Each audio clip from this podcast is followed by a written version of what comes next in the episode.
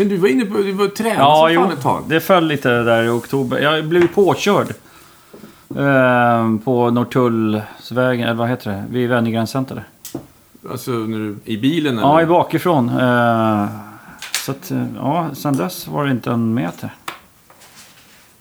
Jag var, under, var på massa undersökningar och grejer. Liksom. Var det whiplash? Och... Ja, whiplash var det först. Som de tr- trodde väl att... Men det var inga frakturer. Men jag fick ont som fan i kroppen. Det känns som någon blev överkörd av en jävla 250 kilos quarterback liksom. Ja. Så mosad. Det var liksom ont överallt. Överkörd. ja. Trots att jag liksom bara satt i bilen med bälte liksom. Bara blev tryckt liksom. Men att köra in i våran jävla plåtlåda liksom. Det är, det är som att köra in i en bergvägg. Mm. Den bilen var ju mos liksom. Den bilen var mos. Ja, Du, du, men det är en liten plåtskada bak bara. På balken liksom. Skönt ändå att det var en sån bil. Så. De sista tre månaderna har det liksom varit noll. Så idag, nu kände vi att nu, shit nu. Och, och hunden eh, dog. Han hade inget ut och gå. Så att liksom, det var liksom tre månader noll. Så Anna och jag var, nej okej idag, nu. Nu är det slut. Ja. nu är det grönsaksblad. Nej, det är skönt. Det är rätt skönt att liksom bara damma av eh, kroppen ibland. Hade du PT då? Ja, jag hade det eh, från november till mars förra året. Sen drog hon till Los Angeles och då, sen rann det ut i sanden. Men eh, det var superkul. Ja. Det var jätteroligt. Ja, men det var ju liksom en ung tjej, skitsnygg tjej som liksom bara... Jag gjorde ju vad hon, vad hon sa liksom. Det var ju inte så här liksom, nej. Nej, det orkar jag inte. Men jag, var, jag gav ju järnet. Det är bra. Två gånger i veckan, liksom, en timme. Det var bara... "Ugh." Jag helt död liksom. Fan kul. Men du körde mycket. Du åkte skidor och grejer. Ja, men eh, skidorna liksom, det är ju det som det har gjort nu i julen. Men liksom, det är det man gör och springer lite. Och man känner ju det här välmåendet. Alltså när man kon- kryper därifrån då, är, man- då ångrar man ju allt man har gjort. Men eh, sen liksom, känns det ju bara... Ja, man sover gott. Och... Ja, precis. Sover gott. Kände du någon liksom skillnad? Ja, jag tyckte nog att det var en viss skillnad faktiskt. Det var, det var en effekt där ett tag, tyckte jag. Med bättre flås eller? Ja, kondisen liksom. För att liksom, sången är ju en sak, men när du ska springa på scen och göra liksom, går det liksom inte att flåsa. Liksom. Nej. Jag har alltid håll, försökt hålla den här nivån var, liksom, försöker väga så mycket bara går. Så länge jag inte tappar flåset. Pondisen och staminan är bättre med lite mer. Det är därför operasångare alltid har lite mera, liksom, på sig lite mer sådär. Och det, jag har liksom känt en gräns där. När soundet börjar liksom vika ner sig. När man börjar känna sig lite sådär... Ja.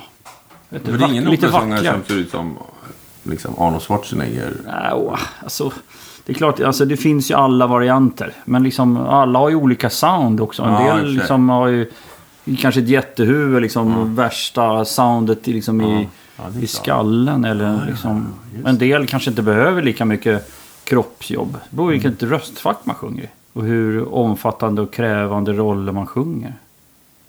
Men tenorer är... ja, Alla är inte stora men... Precis, jo, men det finns ju både och. Det finns ju, menar, titta på Pavarotti och alla de här. Ja. Men det, han var ju liksom bara en av de här. Men sen har det kommit mycket mera slimma tenorer. Men det var ingen fördel att vara Nej, stor. Nej, du måste kunna gå på scen och du måste liksom klara, klara allting. Ta sig fram och repetera. Jag menar, de här timmarna man står på scen, det är en sak. Men du repeterar ju sju veckor innan. Kanske från tio till åtta per dag.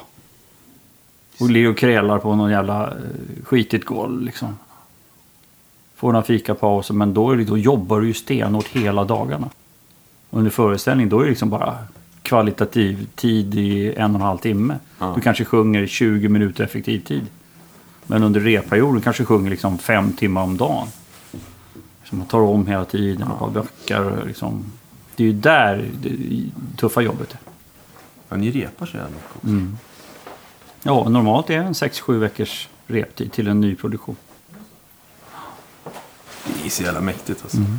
Det blir, man ju avundsjuk ibland på när man ska sätta ihop grejer. Så är det så här, man hinner kanske ses en halv gång och sen är det gig. Liksom. Ja, jo, men man är ju van med det också. Vi gör ju sådana gig också när vi gör själva. Ja. Att då är det liksom redo. ses vi dagen innan på kvällen och sen så är det gen, genomdrag dagen efter. Ja. Som vi gör grejer i Vattnes på nyår och sådär. Då är, då är det bara kort. Ja. Men gör man en produktion, det kommer in regissörer, dirigenter som ska liksom...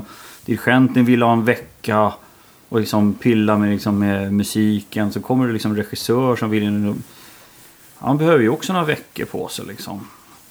Och sen ska man sätta ihop. Sen kommer ju då ljussättare.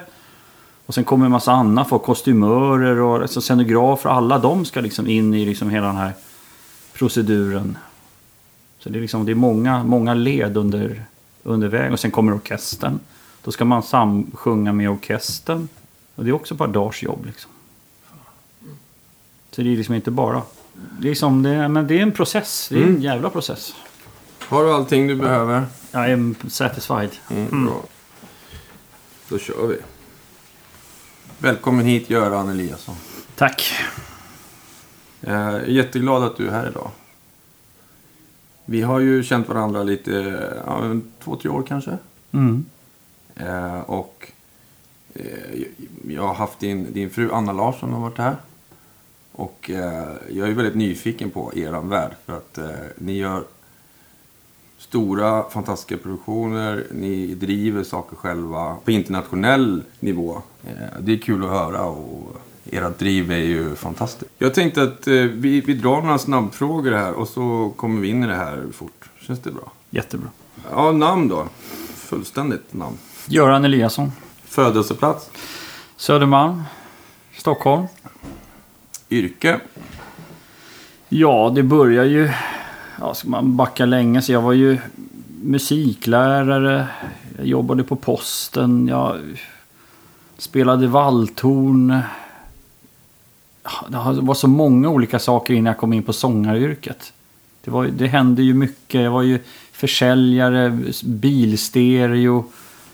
Det var många turer innan jag eh, till slut landade dit jag ville. Att Rösten någonstans, nu fick den bestämma.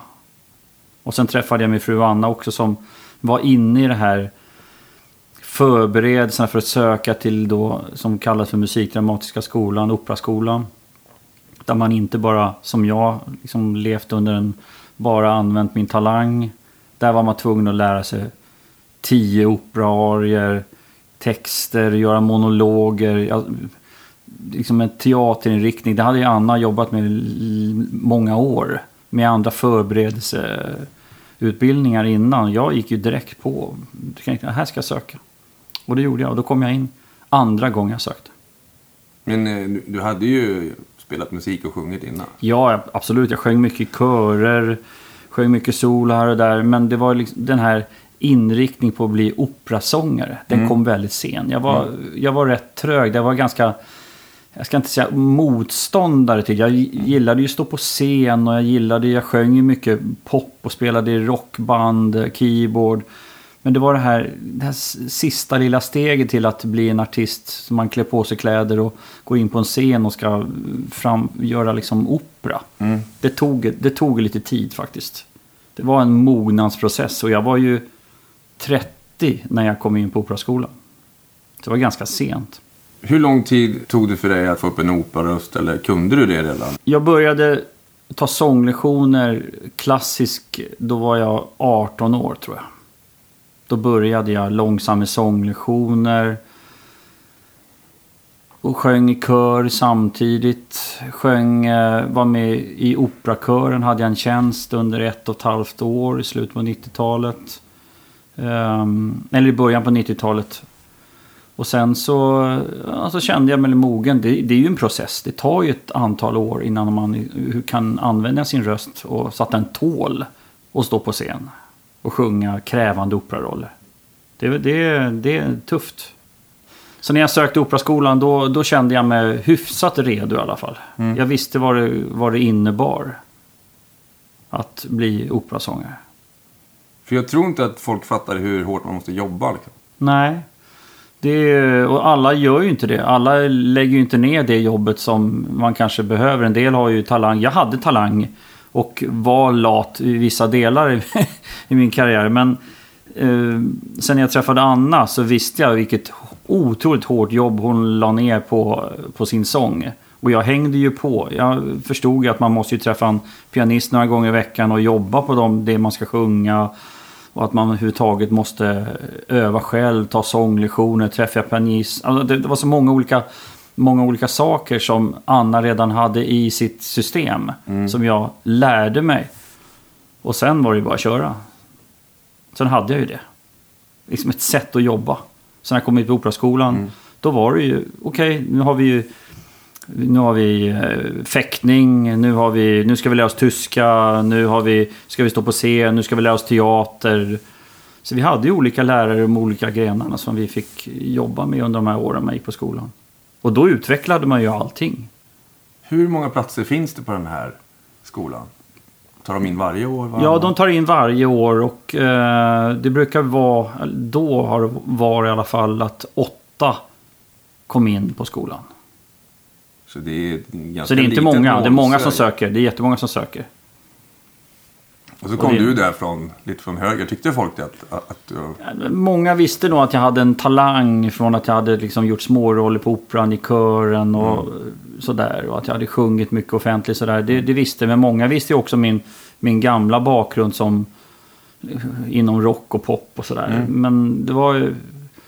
Det var ju liksom ingenting som jag ville fortsätta med utan det fanns bara där.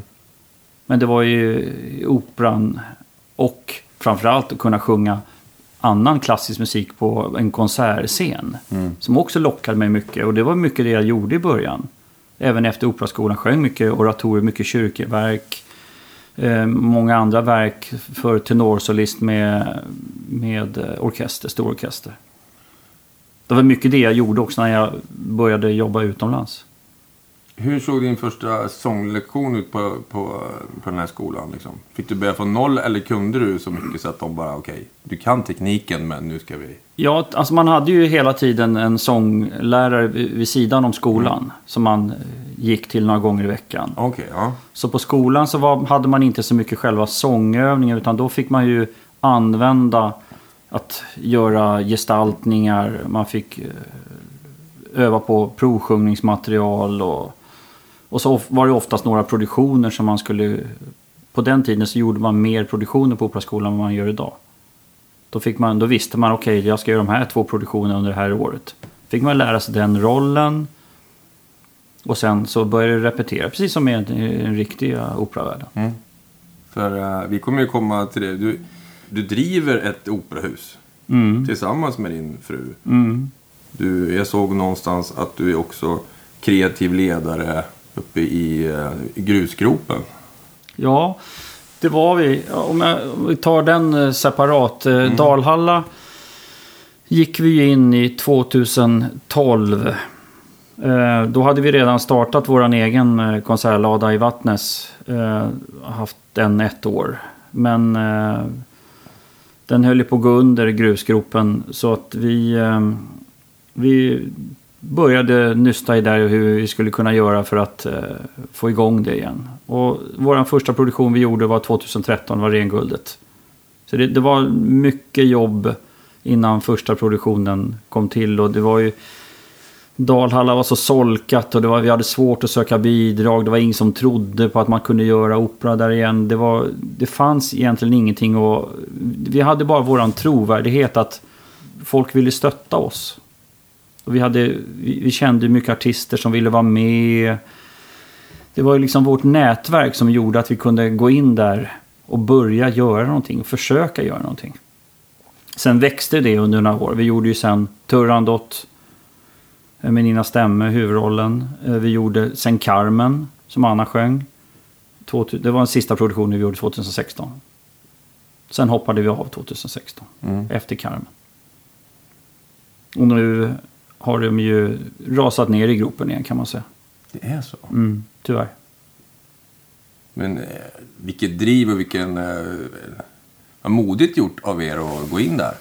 Ja, det var, det var ju mycket tid som gick åt. Det var ju, vi ville ju visa, vi ville bevisa att det går att göra saker där. Trots att av en eh, budget på 9 miljoner så visste vi att vi hade kanske bidrag för 2-3 miljoner. Resten var vi tvungna att chansa på att publiken skulle komma. Oj. Och det, det visste vi ju liksom varje dag. Man hade ju under huvudkudden att okej, vi riskar 5-6 miljoner ur egen ficka för att de här produktionerna ska överhuvudtaget bli av.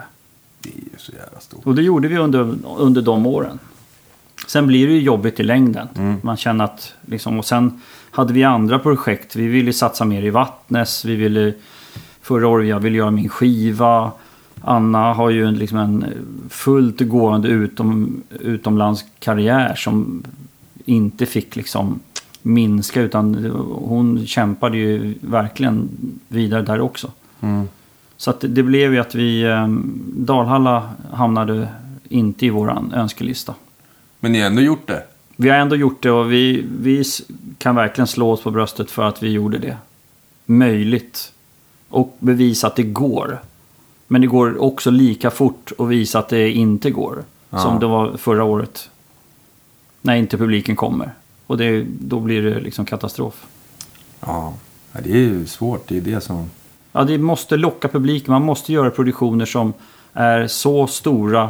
Där man, där man chansar med pengar för att det ska se bra ut. Det ska vara bra artister. Det ska vara orkestrar. Det, det måste vara liksom i det här så att det lockar folk att åka.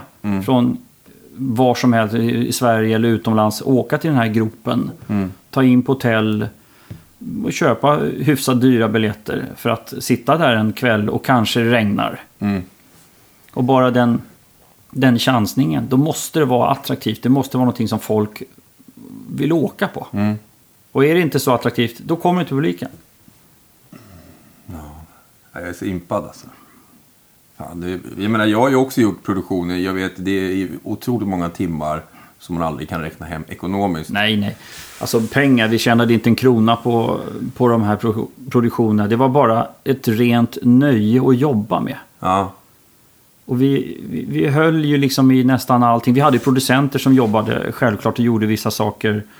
Men kontakten med, som vi med Carmen, vi hade då en mängder av korister som sjöng från olika, det var proffskorister, det var amatörkorister, det var proffsdansare, amatördansare, koreografer, scenografer, kostymörer, orkester, det var allt. Det var, och allting höll vi i.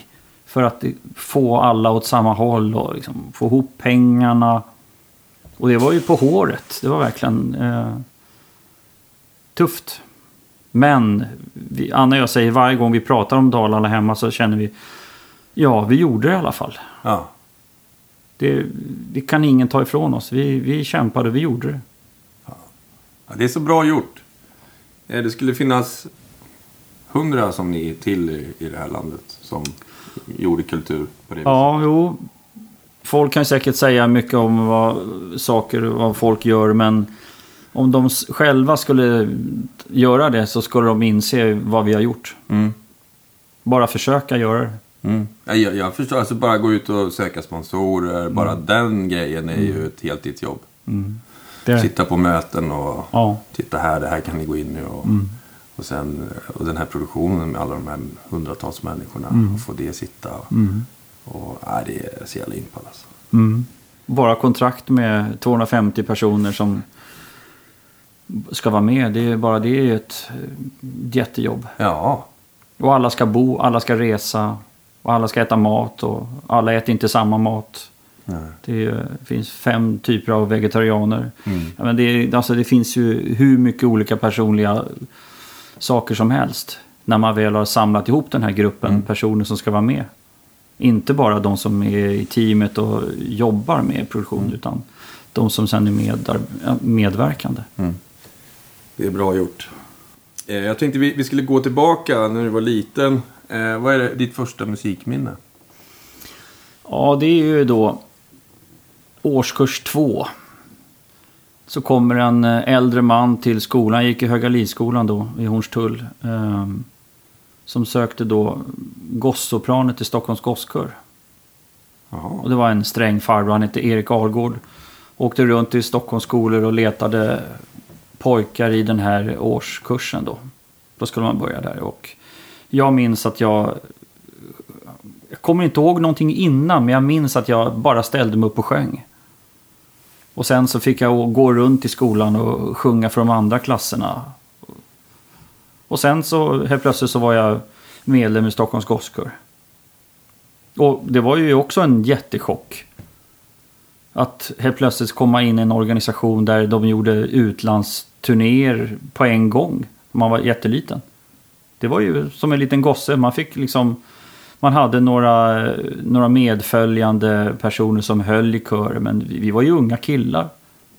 Det var ju okej, okay, vi skulle ha Tyskland-turné. Två veckor i Tyskland eller Italien eller Frankrike eller vad man nu var. Det var ju det var på en gång. Och så fick man då, man repeterade ett par gånger i veckan med en, eh, en körledare då. Och lärde sig alla sånger som man skulle sjunga på konserter, turnéer. Och, så det var ju direkt ett blodigt allvar. Vad, vad körde ni för låtar då? Ja, men det var ju all, mycket, en del sakral musik och en del profan musik. Både för konserthus och för uh, kyrkor. Mm. Det två olika typer av musik som man har i bagaget i en kör. Och det var ju, det var ju på en hög nivå direkt. Stockholms Gospel var ju en välrenommerad kör. Och tog in då ett antal nya sångare varje år.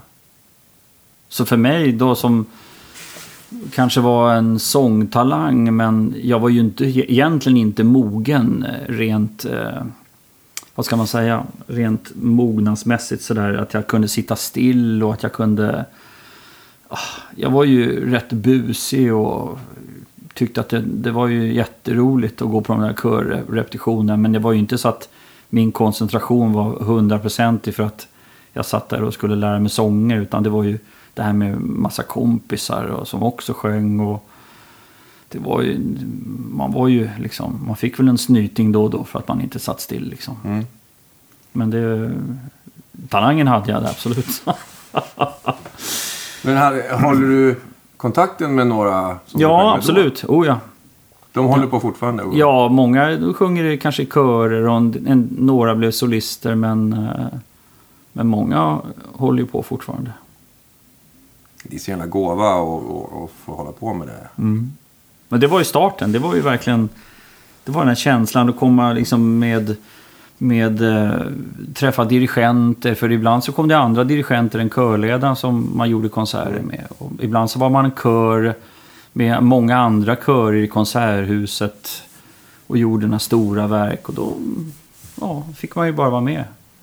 Stå där i en jättekör bakom orkestern och en dirigent och massa, några solister. Det var ju men bara få åka till Frankrike måste ja. ha varit helt Jo, men det var ju man åkte en buss. Man kom ihåg liksom hur man kände i bussen där. Vi ville liksom bara av och spela fotboll och, ha liksom en fokus på att nu ska vi komma till den här staden. Man åkte från stad till stad då. Och eh, man fick titta lite på stan och sen så ibland så var man inne och ackorderad hos eh, föräldrar ja, som, som bodde i, i de städerna. Och sen var det konsert och sen var det vidare till nästa stad.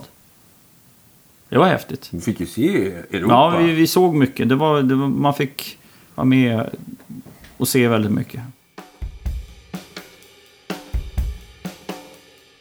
Du spelade rock och pop ett tag, men det är väl långt senare? Ja, det kommer senare. Då, då efter, um, efter högstadiet och gymnasiet. Gymnasiet fortsatte jag ju mycket mer. Då spelade jag valthorn, sjöng en del körer, hade börjat ta sånglektioner, kom väl lite runt där.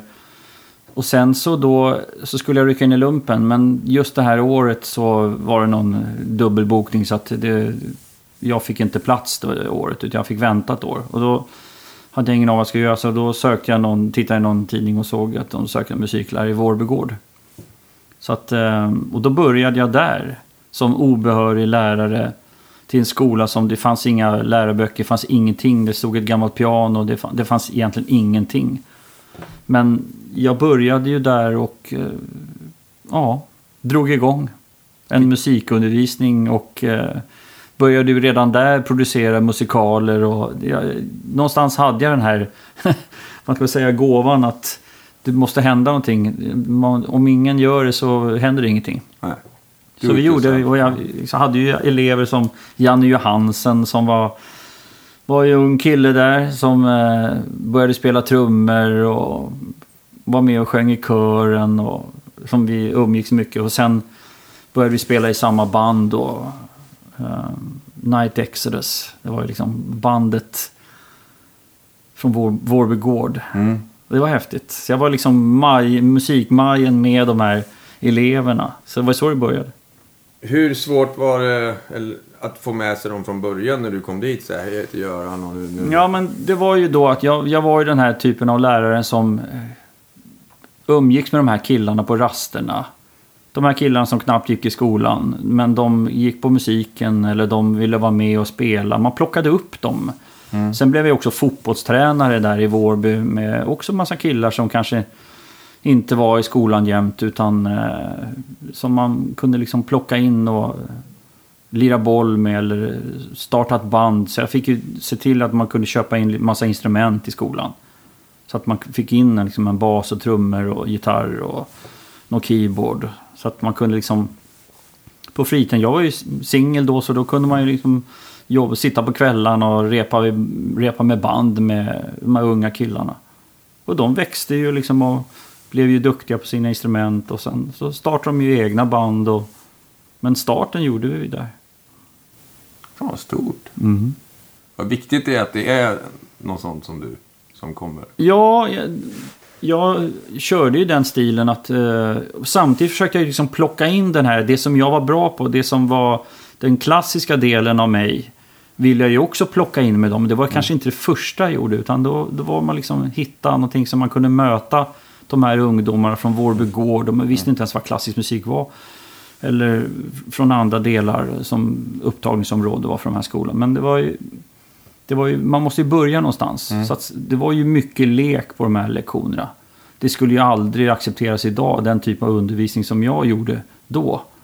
Det var ju liksom med behöriga lärare då, då, och en läroplan, då ska man göra det och det och det.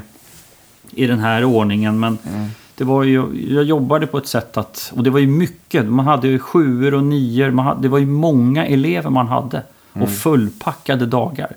Så varje lektion var ju liksom ett, det var ju ett moment i sig. Att okej, okay, den här klassen, här har vi jobbat med tid. Jag hade ju liksom ingen så här gemensam läroplan för alla. Utan det var, jag hade liksom olika grupper. och Jag visste att den här klassen, här finns det några som är jätteduktiga på det där. Okej, då, då kör vi lite mer där. Och sen så... Ja, så det var ju väldigt växlande. Och där var jag ju kvar i sex år.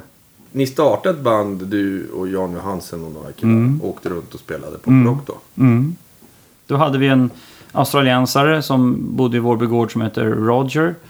Eh, och sen var det några till där som eh, var drivande i eh, det här med att de verkligen ville starta band.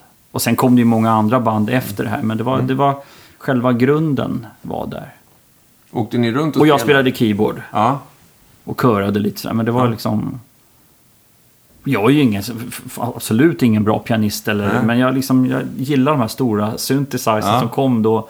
Och liksom, jag tror Janne Johansson han kallade mig för häxmästaren. Det var så här, jag gjorde bara feta sound från den analoga jättesynten. Då. Var liksom, ja, det, var, det, var, det var en härlig tid. Det var otroligt rolig tid. Vart lirade ni med det här då? Ja men det var ju massa klubbar och sådär. Man lirade väl på, jag kommer inte ihåg vad alla ställena hette. Men det var ju, det började i källare och sen så blev ju Night Exodus ganska kända i Vårby gård. Så vi fick spela i aulan där och på skolavslutningar och vi hade ju en, vi gjorde ju skivor och sådär. Och demos framförallt, man gjorde ju mycket demos. Mm. Och skicka och Ja, det var ju man, liksom hela den här grejen och liksom Ja. skicka hoppas att man skulle få någon napp och sådär. Gjorde, åkte ni runt och spelade så här afterski och sånt också? Eller? Nej, inte så mycket afterski faktiskt. Det var... Nej, det gjorde vi nog inte. Det kom nog senare i andra band, men eh, nej, det var nog mera liksom...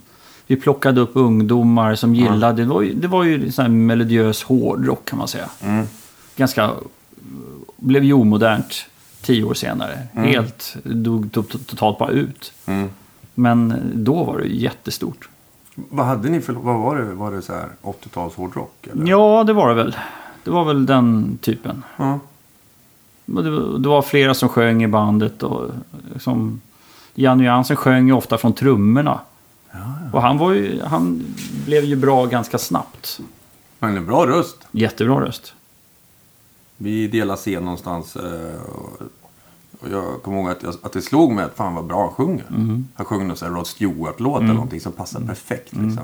Vad kul att, eh, att du ändå har lärt upp han och hans kompisar. Ja, jo, det var, det var ju en start. Framförallt, eh, jag kanske inte lärde dem så mycket, men jag fanns där och hjälpte till och var med. Och, jag var den enda som hade körkort, så man fick ju köra allting. Och det var ju mycket transporter hit och dit. Och man skulle instrument, om vi skulle någonstans, så var, man fick man ju liksom packa in bilen och åka två gånger. Och, det var ju liksom... Det var, ju, ja, det, det, var, det var mycket, men det var Mm. så himla roligt. Mm. Det är också när man idag kan känna mm, det var roligt. Mm. Men det är också den här perioden innan man liksom träffar sin första flickvän och liksom man, man har den här tiden. Ja. Innan barnen. Innan barn och allt, allt sånt här liksom vuxenperioderna kommer. Så Man kan stå i en replokal tre, gånger, tre kvällar i veckan och dricka kaffe och äta någon sur, dricka en sur cola och, liksom, och sitta och repetera in låtar. Det var, ju, det var, det var så det var. Liksom.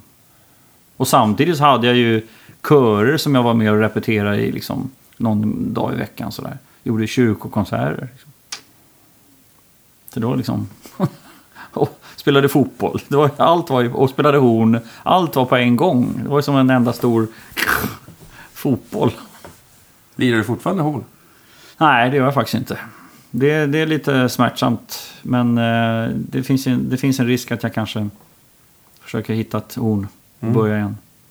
Bara ha för att liksom bara känna Mm. att det finns kvar. Måste vara mäktigt att spela i en sån här orkester. Ja, men det, det var mäktigt. Och också att, eh, men det var också där jättebra innan man träffade sin första flickvän. Man kunde sitta fyra timmar och lira horn hemma i vardagsrummet. Det funkar ju då. Mm. Men sen så går det ju liksom inte. Mm. Då Bodde du man- fortfarande hemma då? Ja, jag bodde hemma till eh, jag var 19 typ. Så dina föräldrar var okej med att du övade? Ja, men precis. Och så hittar man ju tider efter skolan och Mm. lirade liksom, eller sjöng hemma.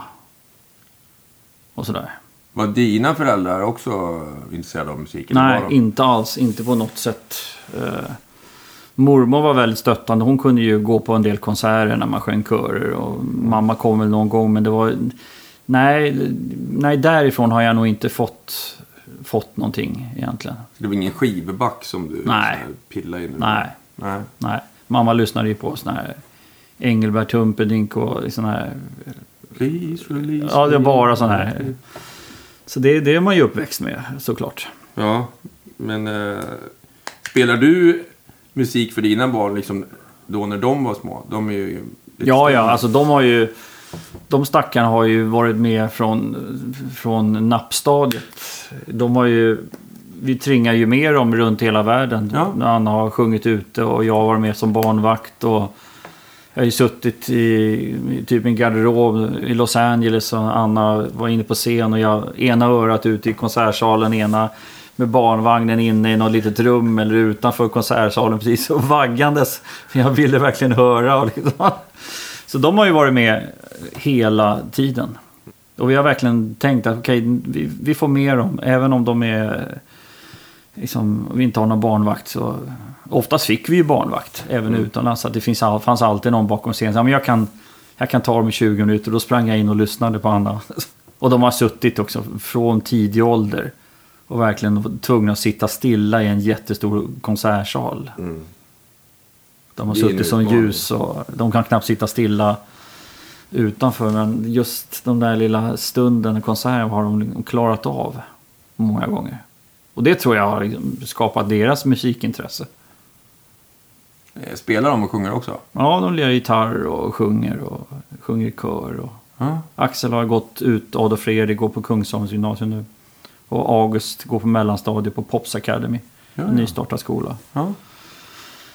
Så att eh, de är, de är intresserade av musik. Och musik för dem hemma, det är hela tiden. Det är att spela gitarr och lyssna. Nu är, ju, nu är det Ted Gärdestad hemma. Mhm. Efter vi såg filmen häromdagen. Så är det ju, nu är det bara Ted Gärdestad. Så nu har jag och August plockat upp alla låtar. Och, så att, mm, Vad kul! mm.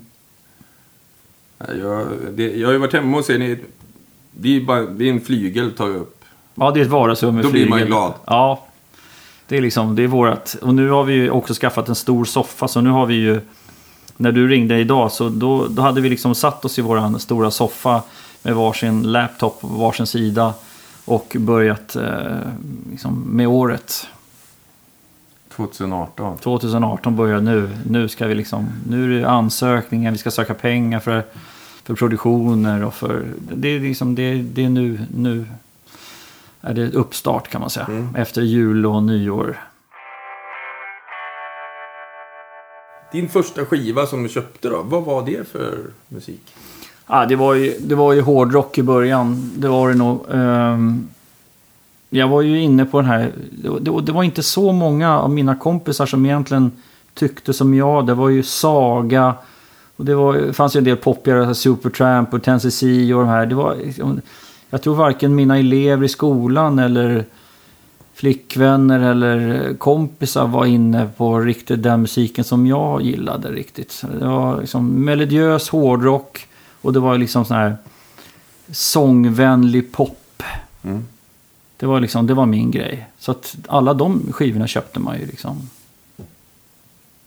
Och jag köpte nog mycket skivor. Jag tror det. Jag, gjorde, jag köpte mycket skivor. Var det Toto och sånt där? Toto var ju liksom absolut number one. Mm. Definitivt. Och planka alla de här låtarna och försöka sjunga det där. Och Tennessee, Supertramp, absolut. Det var mycket den där. Santana och... Ja.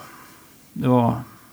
Och de kunde, alla de här banden kunde man ju, de kom ju till hovet varje år. Nästan. Mm. Så att man kunde liksom, det var bara, mm, Manfred Mann.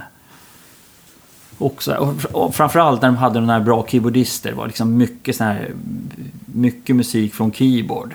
De banden var ju högst upp på rankingen kan man säga. Deep Purple till exempel? Var något? Inte så mycket Nej, faktiskt. Det var liksom mer sån här orgel och så fett. Det var liksom, det, det kom senare. Mm. De banden, ACDC och Deep Purple och de här, det kom senare. Mm. Men det var inte, det var inte ungdomstiden. Det var Nej. mer vuxen, att man backar tillbaka och lyssnar på, på band som man kunde ha hört då. Ja. Nazareth, alltså det fanns ju hur mycket sådana här band som helst. Som man liksom plockat in efteråt. Mm. Spelar du det hemma nu och sjunger? Ja, det är egentligen det som är... Jag spelar inte så mycket klassisk musik hemma. Förutom de sakerna som jag måste lära mig och som jag måste lyssna på. Det som jag måste studera in. Men annars så är det Steely Dan och det är, vi, vi spelar rätt sån här soft musik hemma. Som man kan gå runt och göra saker med hemma och bara sätta igång Sonos och Spotify och bara köra en god lista Fasiken. Ja, det är härligt. och laga mat. Ja, det, det mm. Musiken är viktig hemma. Det, det, är inte, det är sällan tyst hemma. Om inte jag måste öva så Anna öva så då, går, då sätter vi på någon musik. Det är väldigt sällan det är tyst. Eller också är något av grabbarna spelar gitarr från något rum. Liksom. Eller spelar sin musik. Men det är den bästa inredningen man kan ha i ett hem med Ja. musik tycker jag. Ja, Jag förstår inte folk som kan ha det tyst. det, det är aldrig tyst hemma hos oss i alla fall. Det, där går det ständigt. Men eh, vad betyder musik för dig då? Är det allt nu då? Ja, jag tycker nog musiken, det är... Musiken och familjen, det är ju... Det är ju 22 timmar per dygn. Ja. Så är det. Det. Det finns där hela tiden, även när jag sover. Det finns där. Det rullar runt idéer och det rullar runt låtar eller eh, sånger eller texter. Ja, det, det finns hela tiden. Mm. Det pågår hela tiden. Det, det, är aldrig, det är aldrig tyst.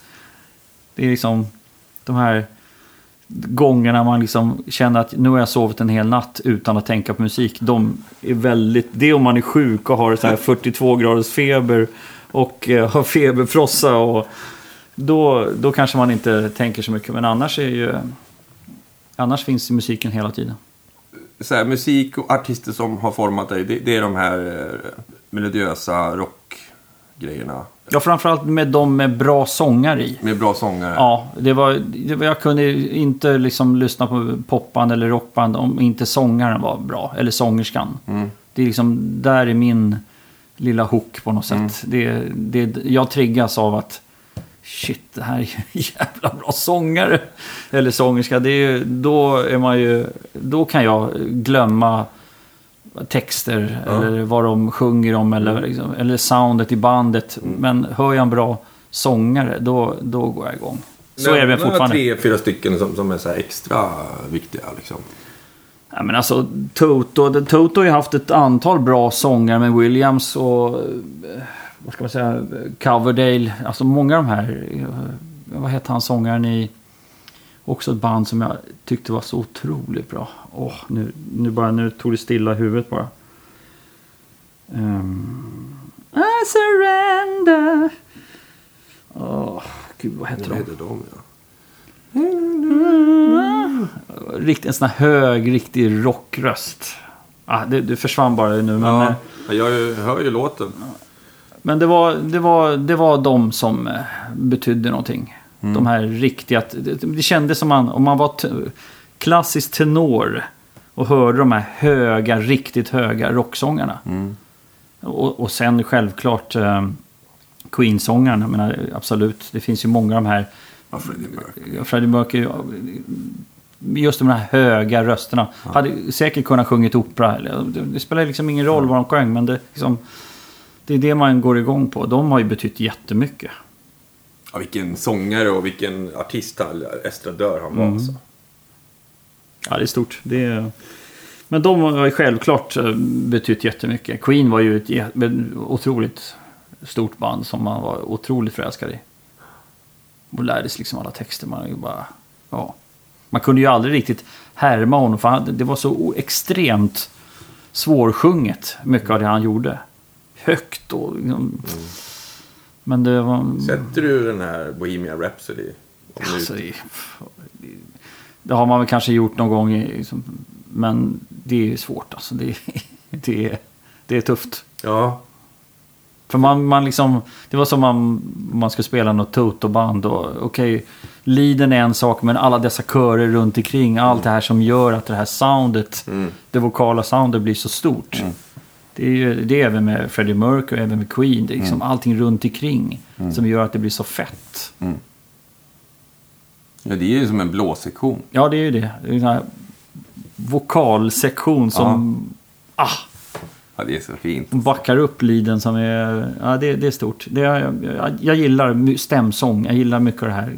När, när liksom det formas ihop massa olika enheter. Liksom. Det är, sång går jag igång på. Mm. Om du får nämna tre, fyra stycken ifrån den klassiska sidan eller från operasidan som du har lyssnat på mycket. Som... Ja, alltså det finns ju väldigt mycket. Men eh, Carreras var en eh, tenor som var väldigt bra. Han var ju med i de här tre tenorerna, Pavarotti, Domingo. Och alla de tre lyssnade jag jättemycket på. Men Carreras, han var... Det, det fräste, det spottade nästan blod. Och man, man kände liksom att han gav verkligen allt. Det var inte bara tekniken.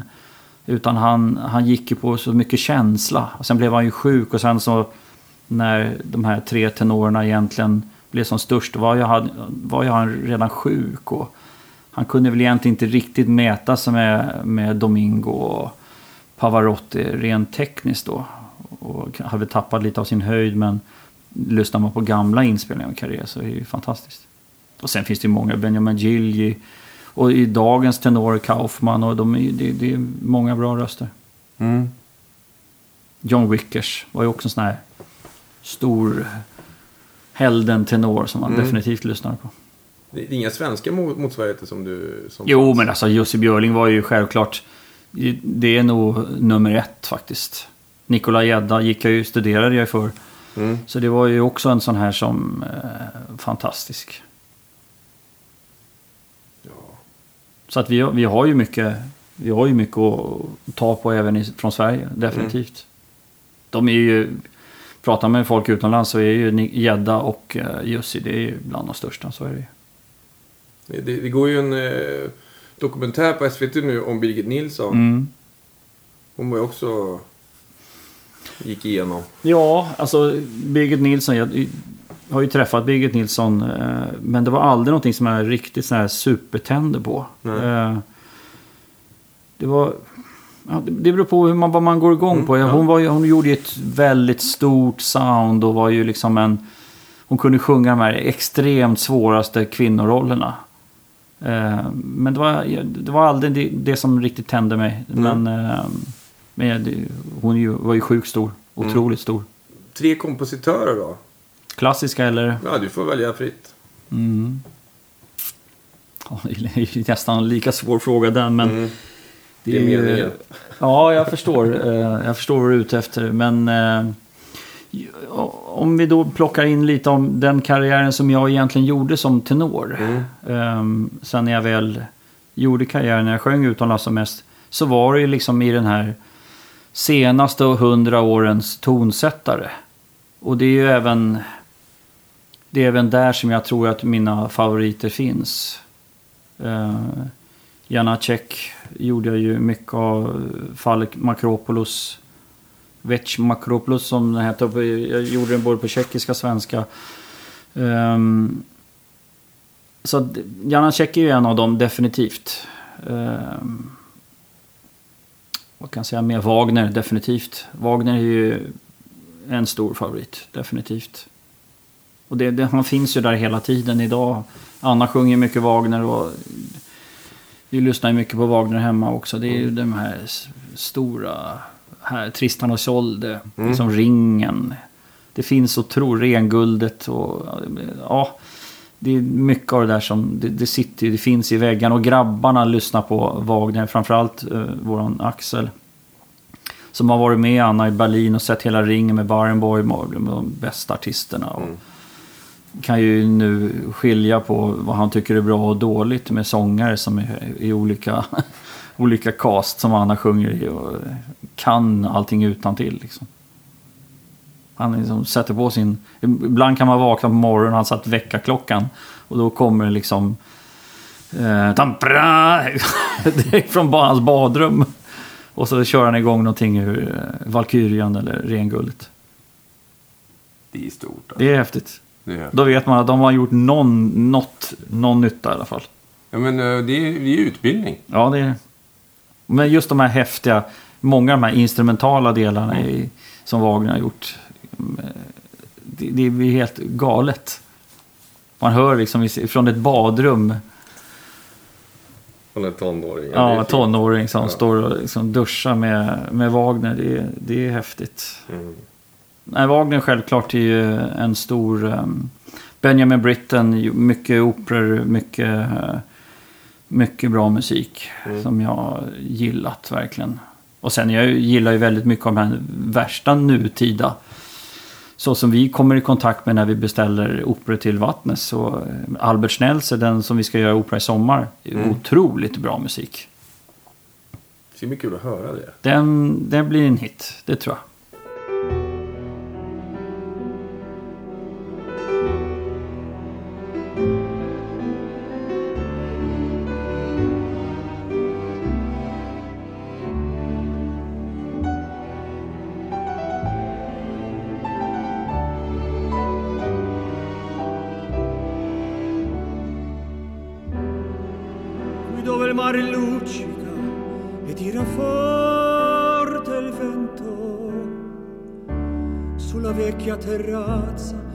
Davanti al golfo di Sorrento.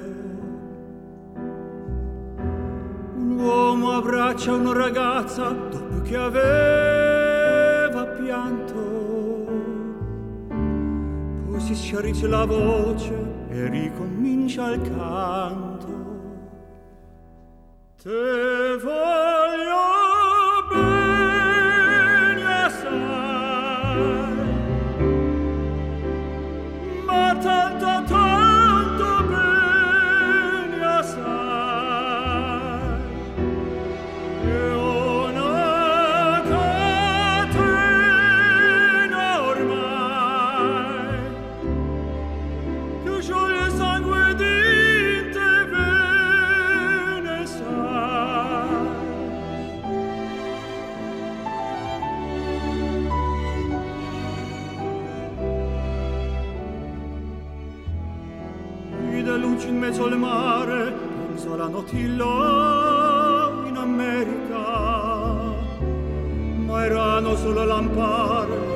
bianca sciadonerica. Sentì dolore la musica, si alzò dal pianoforte Ma quando vide la luna uscire una nuvola, gli sembrò più dolce anche la morte. Guardo negli occhi la ragazza, quegli occhi verdi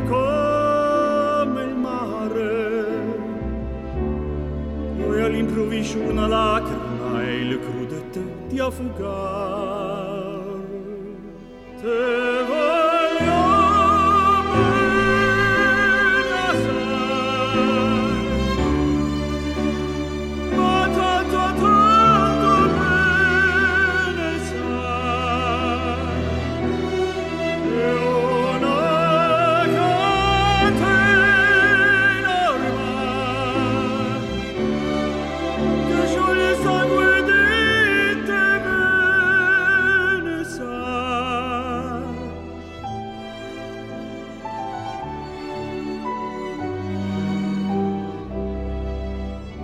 Du, går ut den här skolan. Va, vad händer då liksom? Börjar man, Ja, man gå på castings då? Eller? Ja, det blev ju då... För Anna, eftersom vi gick ut nästan skolan samtidigt så träffade vi då... Eh, vi fick upp, sjunga upp för en agent, Ann Bråten då. Eh, som hade många bra artister eh, som vi kände. Ja, vänner till oss som hade henne. Och ehm, vi blev då... Vi kom med i hennes stall helt enkelt.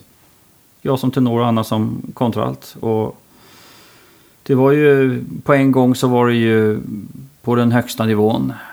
För hon, hon säljer ju på liksom, på de stora orkestrarna och stora operahusen och även i Sverige och sådär. Men det var ju, för Anna var det ju världskarriär på en gång. Det var ju hon, det tog ett halvår så var hon ju liksom ute med de största orkestrarna och i sitt fack. Där De sjöng Mahler och det var ju liksom Wagner. Hon kunde liksom för där fanns ett jättestort hål att, att hoppa in i. Och det har hon ju fortsatt med även nu. Det är egentligen samma saker hon gör. Men eh, för mig var det ju en, kanske en lite mer tid. Jag kanske hade mycket jobb men det var ju liksom på en annan nivå. Jag jobbade mycket i Sverige. På Operan och Folkoperan, Göteborg, Malmö. Det var ju många av de här scenerna hemma. Mm. Ehm, när jag inte riktigt vilken, visste vilken nisch jag skulle sjunga. Det liksom vad, vad var min storhet? Vad liksom var det som...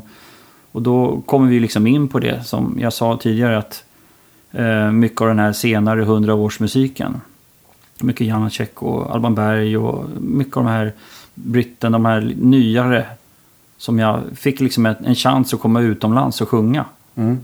För det fanns ju också ett behov av den typ av suicide tenorer som lär sig de här eh, grejerna på kort tid och verkligen kämpar med. Och det är ju oftast väldigt svår musik att sjunga. Tar lång tid att studera in.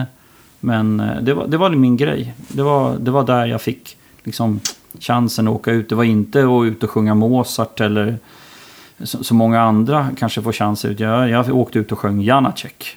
Eller Alban Berg eller ja, vad det nu var liksom. Dvorak eller Kodai. Och hur funkar då? Då ringer de din agent och säger så här. Ja, men vi har en uppsättning här nere i Milano säger vi. Och då säger hon. Ja, men jag har ju Göran. Han är jättebra. Han kan ta det. Och så skriver hon kontrakt och så åker du ner och så repar ni i sex- Sex, sju veckor. Och sen är det kanske mellan fem och tio föreställningar. Och sen så kan du den då nästan. Så att om det sen är- har man den i, liksom i börsen så att Ja. man kan liksom, då visste agenten, okej, okay, Göran han har ju studerat in den, han kan det här. Mm. Så det var ju mycket av det här med, just med, med Janacek och Makropoulos, det var ju, den gjordes ju lite överallt. Så att då, liksom, då var Aix-en-Provence där, det var Köln där och Frankfurt och, och man fick liksom, många av de här verken fick man ju chans att göra. Kul alltså. Mm, så det var liksom, det var, det var mitt sätt att komma, komma utomlands.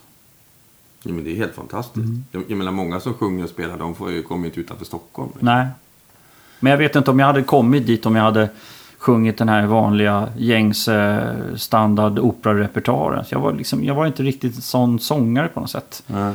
Jag, var, jag gillade det här med det, det nyskrivna. Liksom det skrivs för en röst som är både låg och hög. Och liksom, ja, den, jag kände igen mig i, i den typen av sätt att sjunga. Så att det, var, det passade mig bra. Men det är ju också en roll du ska spela. Mm. Har du någon så här eh, regissör då som regisserar sig? Ja, men det här är karaktären. Eh, så här ska han vara. Mm, jo, jo. Det, alltså, när man castar, menar, det känner ju vi igen som castar produktioner. Då måste man liksom hitta typer som är, passar till den här rollen. Ehm, och jag sjöng ju både liksom, karaktärstenorroller och andra typer av tenorroller. Det var ju liksom, det beror på vad regissören vill ha. Mm. Och dirigenten, vad det är för typer av röst. Eller hur man ska se ut och sådär. Det, Mm. Så det, är ju, det finns ju hela tiden ett... När de väljer vem, vem som ska sjunga vad. Mm.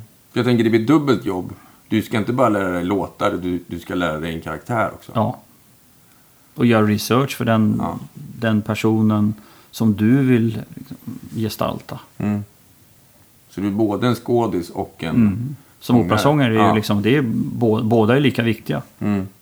För att går du in på scenen och bara kan sjunga tonerna, det är, det är ingen som bryr sig. Du måste gestalta den här karaktären. Det är, ju- det är ju det viktigaste. Mm. Annars blir man ju konsertsångare. Då kan du stå med frack framför en stor orkester och bara sjunga låtar. Det, är- det är ju många som gör också. Jag tyckte det är också jättekul. Mm. Men att bara att få klä på sig kläder och göra en karaktär, det är fantastiskt. Har du några liksom, favoriter som du... Ja, alltså, min största favorit var väl egentligen en roll som jag inte gjorde. Det var ju Benjamin Brittens Peter Grimes. Jag fick en chans att göra det, men då var det liksom ett, en fas i livet där vi var tvungna att... Och vår äldsta son skulle börja skolan, att vi var tvungna att... Ja, någon var tvungen att vara mera hemma. Och, men då hade jag en chans att göra den, Peter Grimes. Men den, då gjorde jag inte den. Vad är det för roll då? Kan du berätta lite? Ja, alltså Peter Grimes är ju ett av de stora verken av, av Benjamin Britten. Liksom en karaktär, en ganska, han är ju dessutom fiskare. Och eftersom jag är själv sportfiskare så Ja, kände jag liksom, det här är ju jag. Och han, han eh, råkar ju ut för en del saker med folk som hjälper honom, små pojkar som, eh, som dör och får folket emot sig. Och han vill bara ut och fånga fisk och liksom, göra storkovan. Och, men det går inte riktigt så bra. Utan folk som hjälper honom, unga pojkar, de dör och han får ingen fisk. Och liksom, det, nej, det är en ganska tragisk historia egentligen. Mm. Men musiken är ju är fantastisk. Men eh, du skulle kunna göra den snart? Ja, det är inte, det är inte för sent än. Det, den, den finns där i... Den finns där. Så den är på din så här... Ja, den finns göra- på My Wishlist. Och jag Ja. har inte så många saker kvar på min Wishlist. Men den, den är en sån roll. Definitivt. Det är det. Den finns, i, den finns under huvudkudden. Mm. Jag plockar fram den ibland och tittar lite och lyssnar lite. Och... Jag hade kommit ganska långt i själva instuderingen av rollen. Så att det, det hade inte behövt så lång tid för att, att göra den. Men eh, får ni också förfrågningar om att, att göra teater och film när ni inte ska sjunga? Alltså, eftersom ni är... Ja, oh ja, absolut. Ehm, och även kombinationer. Att man eh, gjorde en roll eh, på Dramaten mot Margareta Krook. Eh, ganska många föreställningar. Eh, jag tror det var andra gången den, den hette Masterclass. Och ehm, då var det ju liksom ett sångnummer, det var väldigt mycket prat, mycket text med, mot Margareta Krook som var liksom den här gamla divan. Och så kom eh, olika sångare in och skulle liksom visa vad de kunde och hon dissade ju alla liksom. Och, Mm. Så det var, det var ett väldigt kul att göra på Dramaten. Det var roligt. Och få sjunga ett nummer, men det var ju liksom den här texten. Mm. Och sen sätta tänderna i och jobba med Margareta Krook. Det var ju väldigt roligt. Lärde du dig något av henne? Ja, jag lärde mig mycket. Jag tror att jag lärde mig ganska mycket omedvetet. Bara hennes sätt att jobba. Hon kunde ju hoppa 40 sidor ibland i manuset och liksom vara på en helt annan eh, plats. Eh, och, än vad jag var. Vad jag, jag hade ju lärt mig replikerna i rad. Okej, det här. Sen, okej.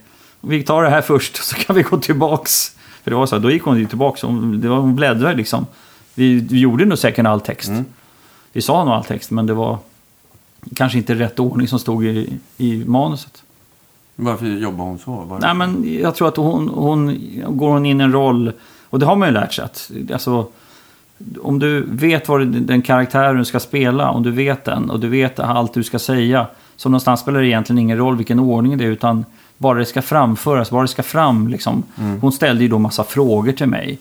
Som, eh, varför sjunger du här för något? Varför ser du ut så där? Och liksom, liksom, precis som man gör som en äldre diva som gör masterclass för unga sångare. Mm. Kul att höra. Ja, det var intressant. Det var, det var, det var roligt. Så att mer teater skulle jag absolut kunna tänka mig att göra. Absolut. Ja, det är scenkonst alltihop ju. Mm.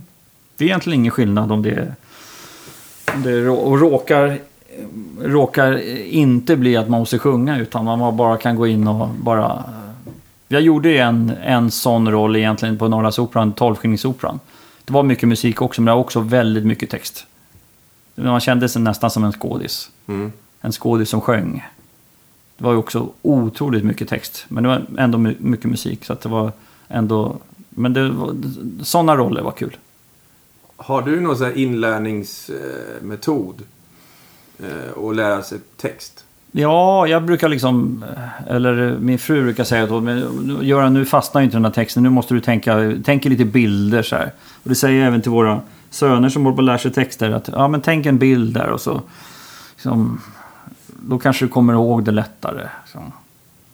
Vår yngsta son skulle lära sig alla Europas huvudstäder. Och liksom, så vi liksom kom på det här tricket hur de skulle liksom komma ihåg det där. Alltså, det har man ju använt. Mm. Absolut. För det är ju mycket text. Många gånger så tänker man hur ska man kunna lära sig? Mm. Man får en tjock lunta med noter med hur mycket text som helst. Och där har man gjort en del bra gånger att man har, liksom har lärt sig på rätt sätt. Eller också har man plöjt från A till Ö och ingenting har fastnat. Tills man lärde sig att okej, jag gör bara den här lilla delen först. Nu lär jag mig A. Ja. Och sen så gör jag ingenting mer idag. Och sen så gör jag A imorgon och så B också. Och sen så kan jag A och B och så plockar man på. För då fastnar det. Det är det här sättet att hur fastnar text? Mm.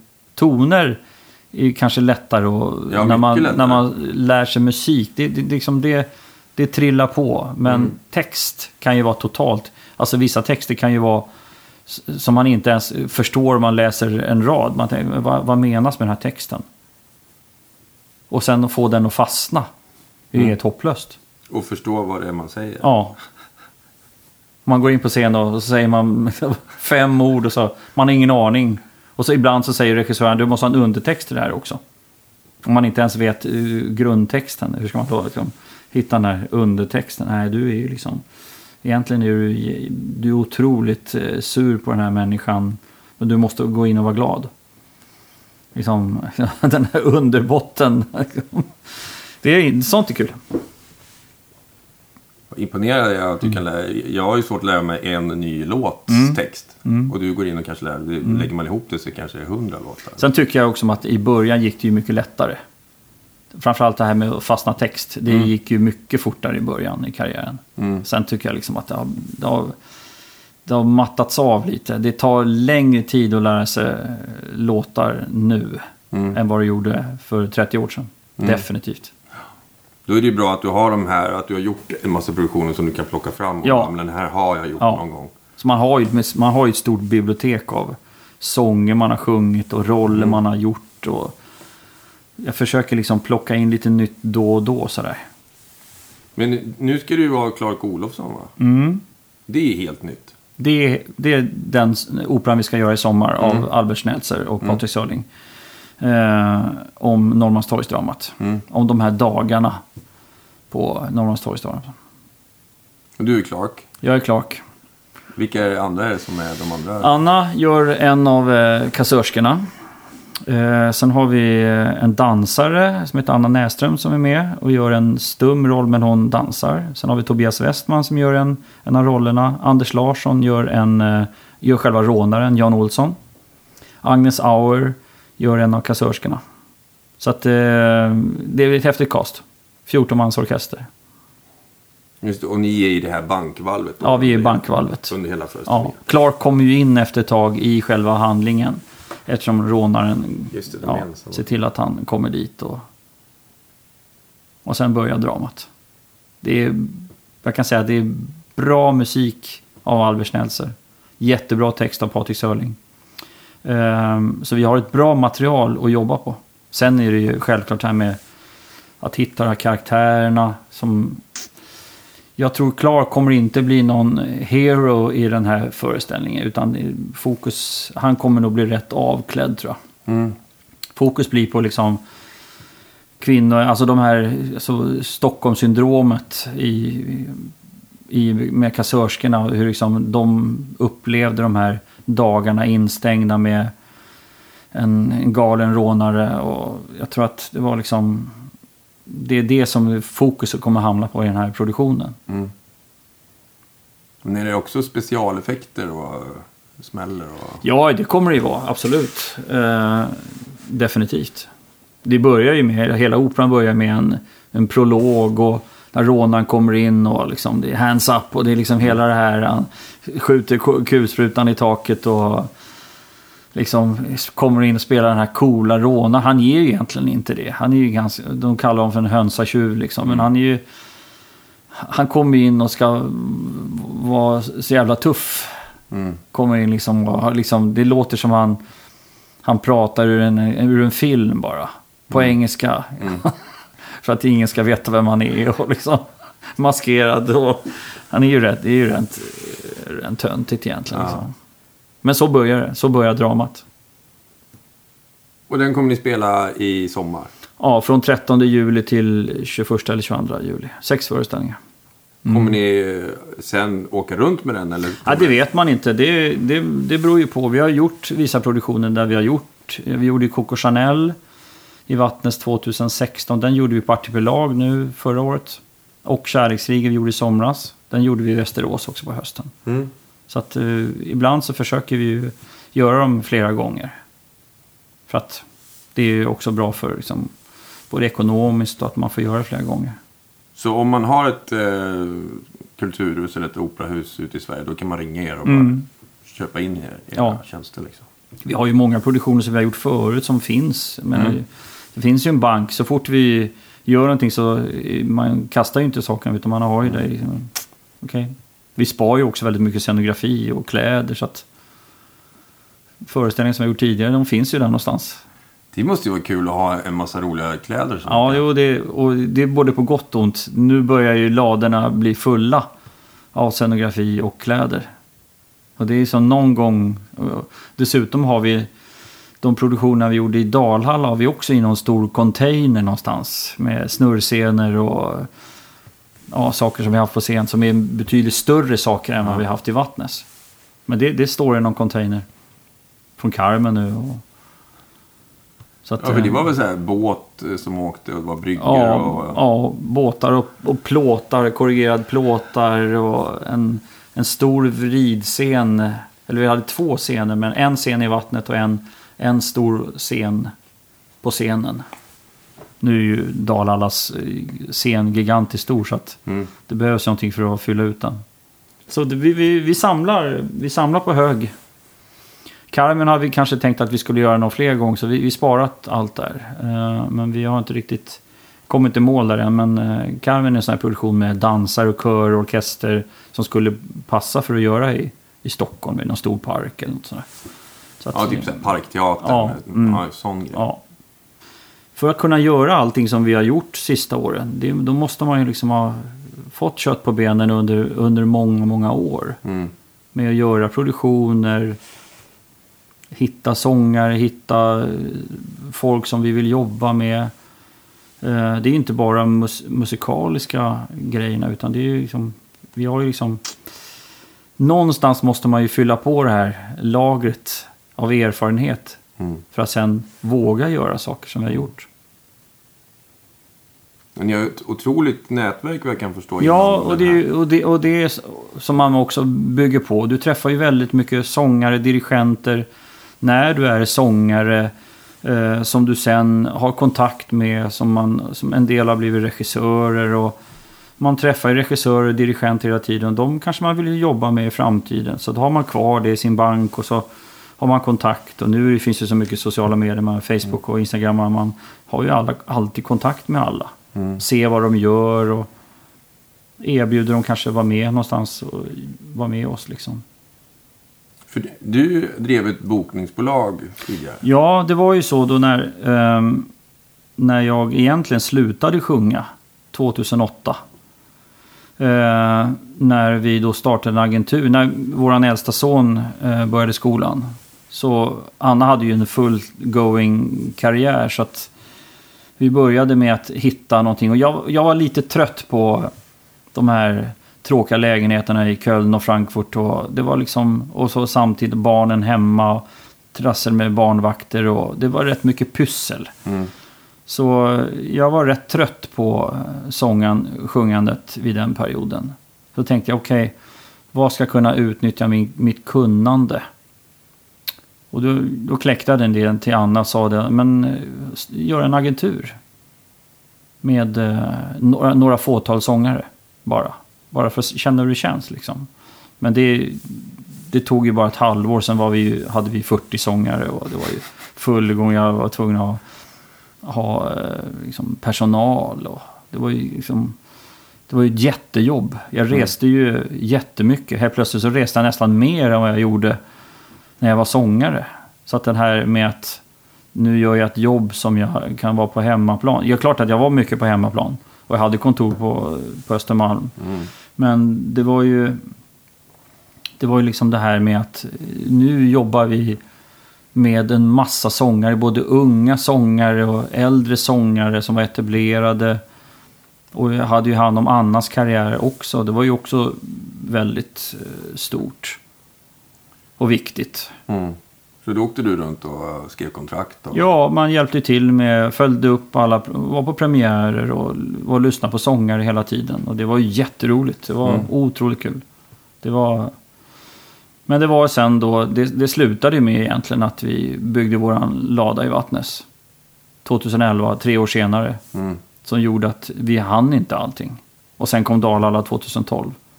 Så att då fick vi minska ner på agenturen så mycket det bara gick. Och sen fick vi två personer, då, Andreas Lönnqvist och Johannes Neber, som tog över agenturen förra året. Det måste ju varit skönt att kunna fira tid. Ja, det, det var ju... Alltså, jag känner att både Dalhalla försvann också förra året så eh, har vi ju frigjort väldigt mycket tid. Mm. Det har vi. Och då, vad jag förstår så har du börjat foka mer på att nu är du Ja, artist igen, ja eller? så är det. Jag har ju tagit jobb. på- Jag har, ju, har gjort en del på Operan eh, både förra året och år. Jag var med och hoppade in i Turandot.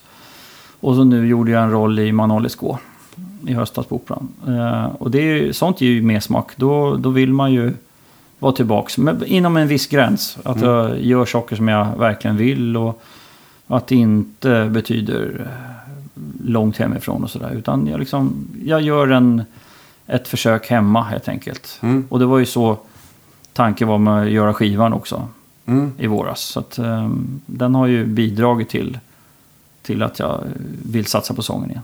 Ja, du spelade in en skiva hos en kompis till oss som heter Martin Andersson. Martin Mm. Bianco Andersson. Kan du berätta lite om den? Jag har, jag har ju fått den här. Ja, tanken var ju, vi har pratat om den här skivan under ett antal år. Och den har funnits med där bagage. Vi har liksom inte riktigt eh, hunnit, hunnit med den. Nej. Jag har hela tiden velat göra en skiva. Med saker som jag inte visar upp i normala fallet. Många gånger så gör jag ju mycket sådana här gig som ingen vet. Där jag sjunger andra låtar, typ andra låtar. Än vad jag egentligen gör på scen som jag tjänar pengar på. Ehm, så, ehm, och då vill jag liksom visa den här andra sidan av mig. Att det finns någonting där förutom den här operasångaren Göran Eliasson. Utan det finns en som gillar att sjunga lite om, jag kan sjunga musikal och jag kan sjunga jazz och pop och sådär. Jag menar, det, är liksom, det, det krävs lite mod och sätta tänderna i och börja tänka vad Mm. man ska välja för låtar. Och då var det väl ett år sedan ungefär. Där jag började liksom hitta, okej hur många låtar ska det vara? Eh, vilka låtar ska vara med? Jag ville att alla låtar skulle finnas historiskt sett någonstans i livet. Där jag liksom antingen har framfört dem eller också är det någonting som jag har gillat. Eh, utmaningar. Eh, för alla tio låtarna på skivan det är på något sätt en utmaning. Och det är liksom... Det, det, det, har, det, det växte fram eh, rent utmaningsmässigt och hjärtemässigt. Inte, inte med hjärnan utan det var mycket med hjärtat Mm. från början när jag valde de tio sångerna.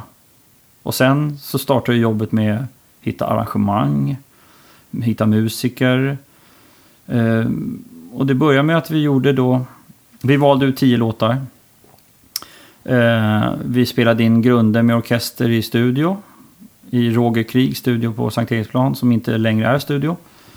Det var jag och Robert Wells som var de sista inhyrarna där. Jättefin studio. Fantastisk studio. Jättefin. Ja, vi mixade där också. Och sen så började ju själva inspelning eh, hos Martin Bianco Andersson då. I hans home studio, Svavelsö. Under våren. Ehm, och det var ju en härlig resa. Att helt plötsligt bli... Okej, nu, ska jag gå, nu ska jag gå och lägga på sång på den här låten. Då vi, valde ju några sånger varje vecka. Som vi jobbade med. Och sen backade vi, gjorde om och liksom... Det var ju liksom en, det var ju, det var ju en resa i sig och bara veta att tio låtar ska spelas in. Vi hade klart vi hade en deadline när saker måste vara klart och, och hitta det här materialet för att göra själva skivan, sj- layout och bilder och det var liksom en, det var inte bara att spela in låtarna utan det var ju liksom hela det här vet, och trycka skivor och det ska till cutting room för att göra mastering. Alltså det var ju så många olika bitar som, som man visste någonstans att det här måste ju självklart. Ja, ja. Och sen ska man ju liksom rättigheter. Du ska betala in rättighet för att använda de här låtarna som fortfarande liksom är ja, mycket ju 1900-talsmusik. Så att, Det är både Caruso och Fix You med Coldplay. Ja, precis. Det, så det är ju en väldig blandning. Och sen senaste Bond-låten, Writings on the Wall. Som jag valde också för att jag hörde den. eh, Jag var på bio med grabbarna förra året och kände att den där vore ju kul. Och sen började jag ju öva på den. Jag kände att det här kommer ju aldrig gå. Fixio var ju också långt ifrån på något sätt innan jag... Och det var ju då Martin Andersson Mm. som sa den här låten vore ju perfekt. Men det tog... Den, jag tror de två låtarna spelade vi in sist. Mm. De, de fick mogna. Många andra låtar som jag hade gjort förut som satt i kroppen, de kunde vi spela in ganska snabbt. Mm. Men de här, framförallt de här poplåtarna, det tog, tog tid innan jag fick det så som jag ville. Provar ni olika... Vi testade olika former att sjunga. Martin ville att jag skulle sjunga mera med min operaröst. Mm. Ehm, och vi provade det och jag tyckte inte om det.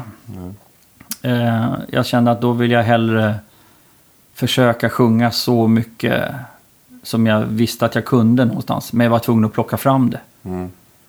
Det, det måste få växa fram. Mm. att stå framför mikrofonen och sjunga det här och låta det växa.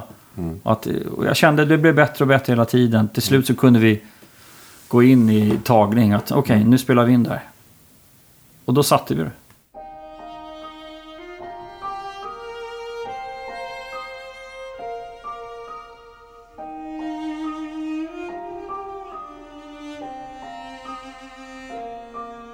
When you try your best but you don't succeed. When you get what you want but not what you need. When you feel so tired but you can't sleep. Stuck in reverse.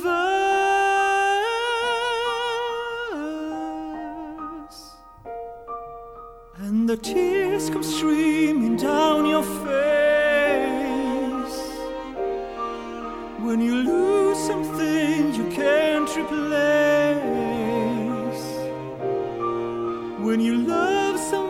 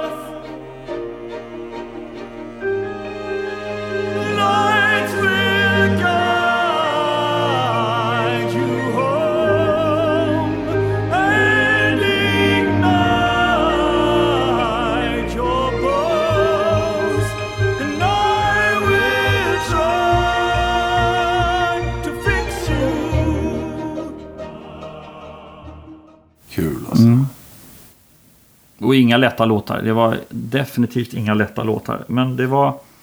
Och det... Det är liksom den, den roligaste grejen att minnas med skivan. Det är inte de här klassiska låtarna som jag sjungit förut. Som jag visste att det, här, det, det kommer funka. Men det är de här utmaningarna som känner att det här kommer att kosta tid och kraft för att få bra. Mm. Sen får folk bedöma vad de tycker. Men jag, jag, jag är mest nöjd med, med de här svåra sakerna som jag hade så långt ifrån mig. Kul med utmaningar. Ja, det, det är verkligen utmaningar. Du, du körde en eller två låtar på 6 juni ute på Värmdö. Ja, jag gjorde en av dem, Ja. Karin Gratto. Den har jag sjungit förut. Den hade vi en orkesterbakgrund till. Så den, eh, ja, den gjorde jag då ja. Mm. Och Sen gjorde du ju Svenska nationalsången så att eh, 3000 pers grät ju. Ja, men det var, Det var så fint alltså. ja, vad kul. Vad roligt. Eh, det- var ju just i klass på den alltså. Och det är också det här med rösten. När man slutar sjunga, börjar sjunga igen. Man känner liksom allt har på något sätt mognat under de här sista åren. När man, när man kan slappna av med sången. Jag kan göra precis vad jag vill. Och eh, framförallt med en skiva, jag kände det nu. Så är jag ju en bättre sångform än vad jag varit på, genom alla tider. Så är det ju. Jag blir liksom bättre och bättre hela tiden. Det är, det är inte så att man börjar bli äldre och liksom att det börjar liksom... Nej, varför ska jag hålla på och sjunga? Du börjar ju bli gammal nu. Liksom. Men det var nästan tvärtom. Jag känner att jag kan... eh, Alla de här stilarna som jag har sjungit under åren, de, det, det, det känns liksom... Det, jag kan vässa lite till. Mm. Och liksom, Men sen har du också erfarenheter. mm, Ett- Ett helt liv liksom. ja, jag kan plocka fram du kan det här. sjunga texter som du kan relatera till. Det är inte så lätt när du är 19 och relatera Nej. till någon Nej, som det. skrivit som är 57. Nej, så är det. liksom. Mm. Inom country så sa, säger de ju det att efter 40 då Mm. kan man börja lyssna på countrysångarna. För då har de levt liksom. Eller då, Ja, men det sitter där på något Ja. sätt. Och sen är ju skivan väldigt blandad. Det är ju egentligen tio olika typer av låtar. Det, är liksom, det finns ju allt, alla olika smaker. Det finns ju några som säkert gillar några låtar och hatar resten. Men liksom... Det är, ju, ehm, men det, det, det är en bred skiva. Det är ingen sån här skiva med tio låtar som låter likadant. Som en vanlig klassisk...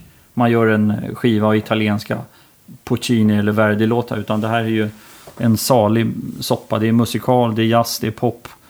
Det är, liksom, det är klassiskt, det är liksom tonerna som är en klassisk svensk sång. Men det, det, det, finns, det finns allt där. Hur uttalar du eh, titeln där?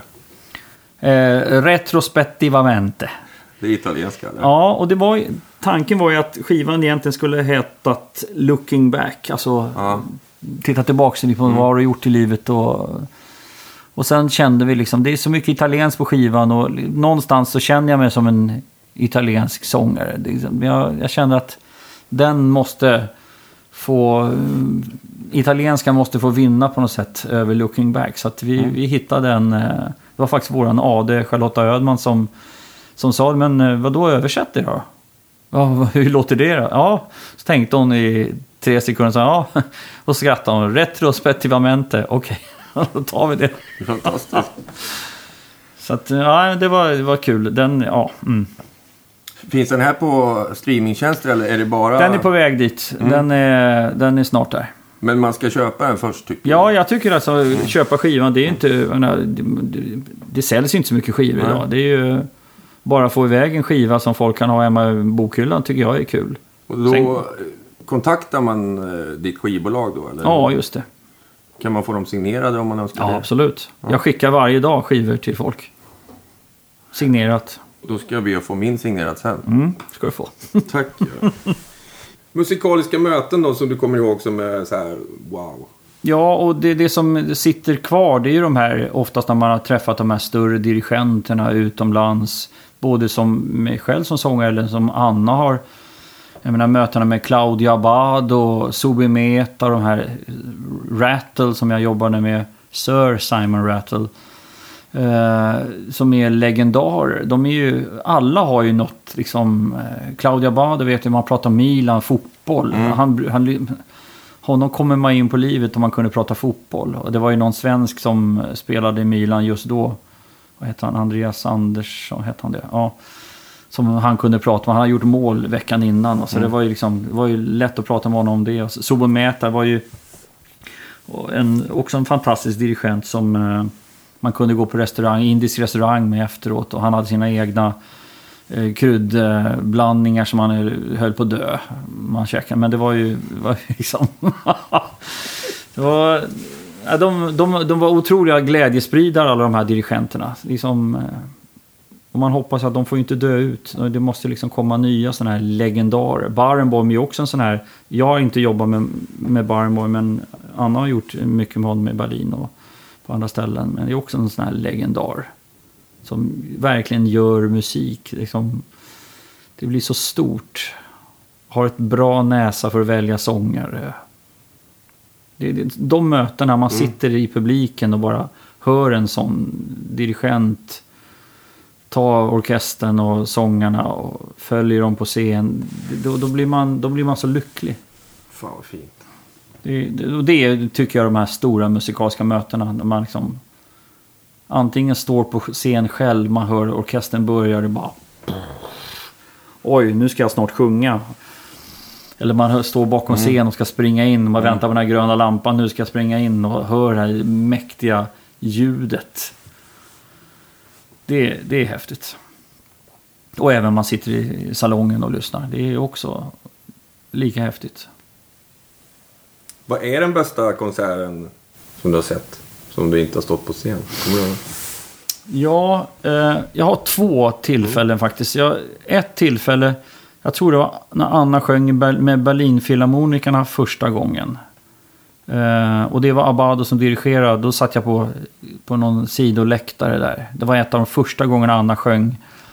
Och hon gjorde Mahlers tredje symfoni. Och det började ganska, ganska lugnt med kontrabas. Det där, och så det här soundet som byggs upp. Det här var ju liksom flera minuter innan Anna skulle börja sjunga. Så jag höll ju på att svimma långt innan Anna sjunger väl i fjärde satsen tror jag det är.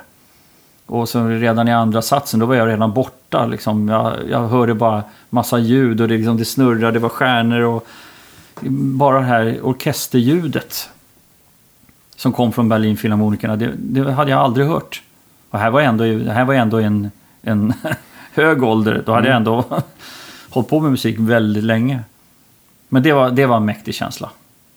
Det var, det, var, det var stort. Det var inte bara att, de, att man var där i Berlin och Anna skulle sjunga, utan det var soundet från orkestern. Och se det här livet i orkestern, de böljar, de sitter inte stilla och spelar, utan det är liksom havet stormar med musiker som spelar för glatta livet. Fan vad mysigt. Och alla är liksom sådana supermusiker. Ja, det, var, det var en av de sakerna. Om man, går, om man tänker inom, inom popvärlden så var det nog Globen, Pink Floyd. Jag tror jag var på deras extra konsert. Jag satt, satt rätt halvbra sådär. Ehm, jag kommer inte ihåg vad den första låten var men eh, gitarristen skulle framför ett solo, det var två steg fram. Och liksom det här gitarrsolo-soundet, det var bara, och jag svimmar. Det var bara, det var bara, dang! Det var bara, oj!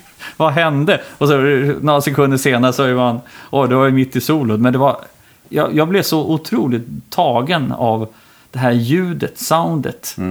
In- Det var inte, liksom inte bara musiken.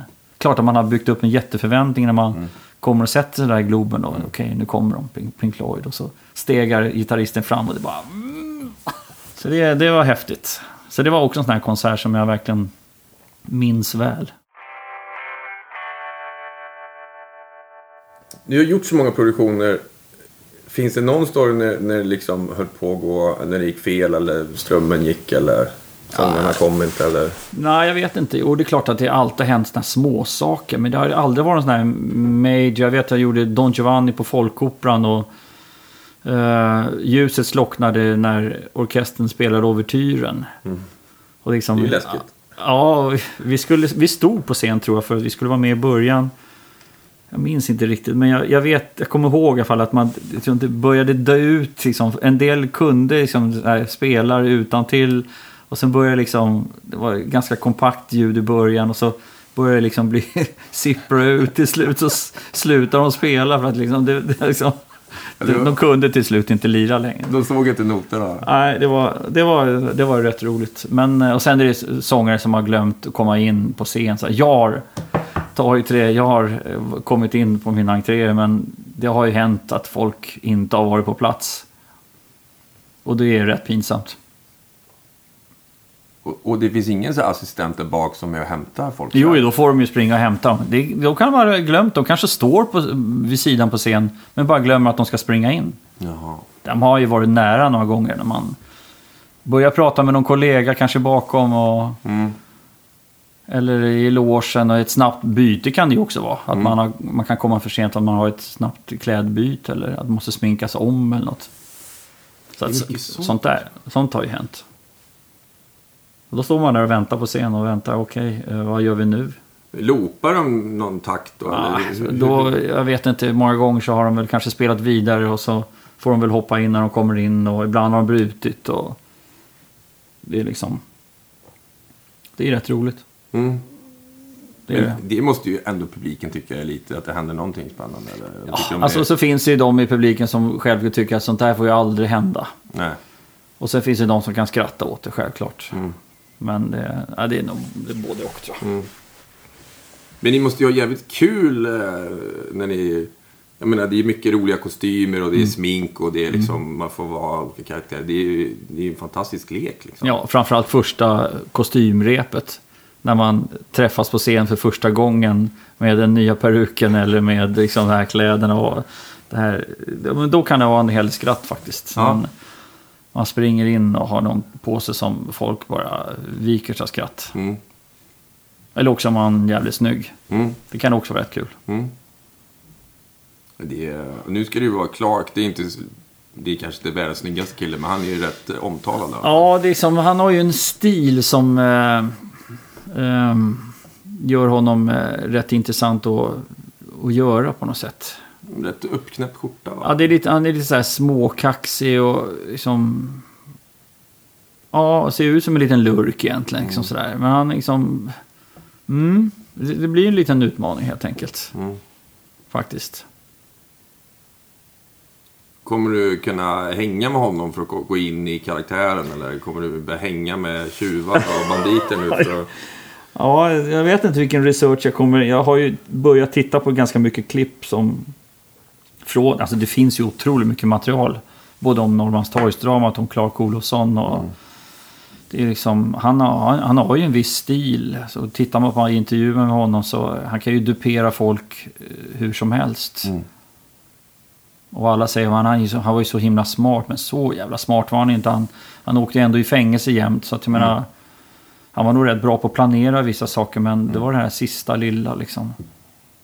Det sket sig. Mm. Men eh, det- ska ändå bli spännande att göra en sån karaktär. Hur har du tänkt börja då? Liksom? Nej, men jag, jag har redan börjat. Eh, och det är ju bara liksom hitta personen. Vem, eftersom det här blir ju liksom ett nutids... Det här är någonting som har funnits. Det är ingenting som vi hittar på. Utan vi, vi gör ju de här dagarna i valvet som var. Fast på vårt sätt. Och eh, typerna kommer ju vara där. Liksom. Gestalt, alltså de karaktärerna kommer ju finnas. Mm.